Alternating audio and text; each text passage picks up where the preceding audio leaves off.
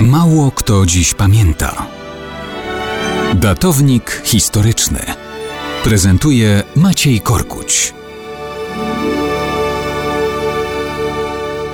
Mało kto dziś pamięta, że 16 stycznia 929 roku kalifem Kordoby został ogłoszony dotychczasowy emir Abd ar-Rahman III an-Nasir. I to się okazało po kilkudziesięciu latach w gruncie rzeczy bardzo dobrą wiadomością, innymi dla władcy Królestwa Leonu, Sancho I, o mało atrakcyjnym przydomku otyły albo gruby. On objął władzę w królestwie Leonu po swoim przyrodnim bracie Ordonio III. Ten musiał z kalifem Kordoby Abd ar-Rahmanem an-Nasirem walczyć. W końcu jednak zawarto pokój. Kiedy na tronie Leonu zasiadł Sancho I otyły w 956 roku, okazało się, że na jego miejsce czyha kuzyn również o imieniu Ordonio. Ten zupełnie nieprzypadkowo przejdzie do historii pod jeszcze mniej ciekawym przydomkiem nikczemny. Przy pomocy hrabiego Kastylii Fernana Gonzalesa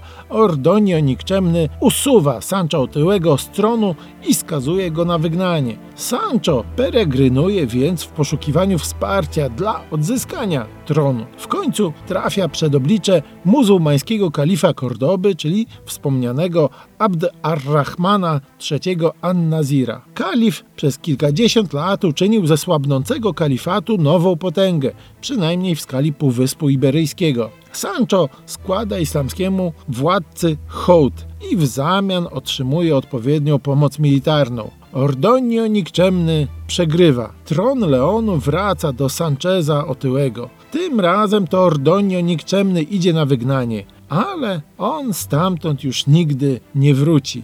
Sancho odzyskuje całe królestwo, a rychła śmierć kalifa Abd ar-Rahmana III an-Nazira jakby czyści bilans wdzięczności wobec muzułmanów. Sancho więc z, nazwijmy to, czystym sumieniem wraca do walk z islamskimi Maurami. I tak na marginesie wielowiekowej rekonkwisty to muzułmanie zdecydowali, że lepszy władca będzie otyły niż nikczemny.